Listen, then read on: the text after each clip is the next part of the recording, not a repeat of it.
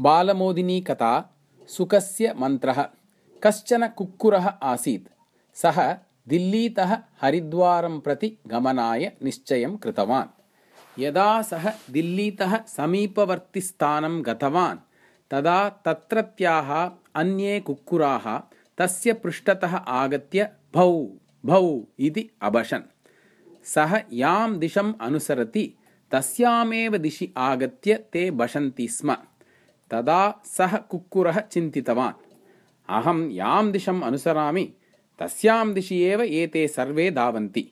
अतः अहं गम्यत्वेन निश्चितं हरिद्वारं प्रति एव धाविष्यामि इति एवं निश्चित्य सः अहङ्काररूपं पुच्छं नीचैः कृत्वा अग्रे अधावत् अन्ये कुक्कुराः अपि अस्य पृष्ठतः अधावन् यस्याः यात्र्याः निमित्तं सप्ताहः आवश्यकः इति चिन्तितम् आसीत्। सा यात्रा दिनद्वये एव पूर्णा अभवत्। यदि सः कुक्कुरः तैः सह सङ्घर्षं कृतवान् स्यात् तर्हि अन्ये कुक्कुराः तस्य महतीं हानिं कृतवन्तः स्युः।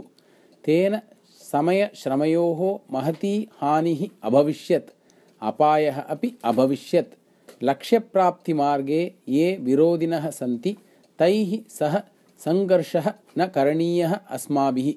लक्ष्यप्राप्तिविषये अत्यधिकया शक्त्या निष्ठया च यत्नाः करणीयाः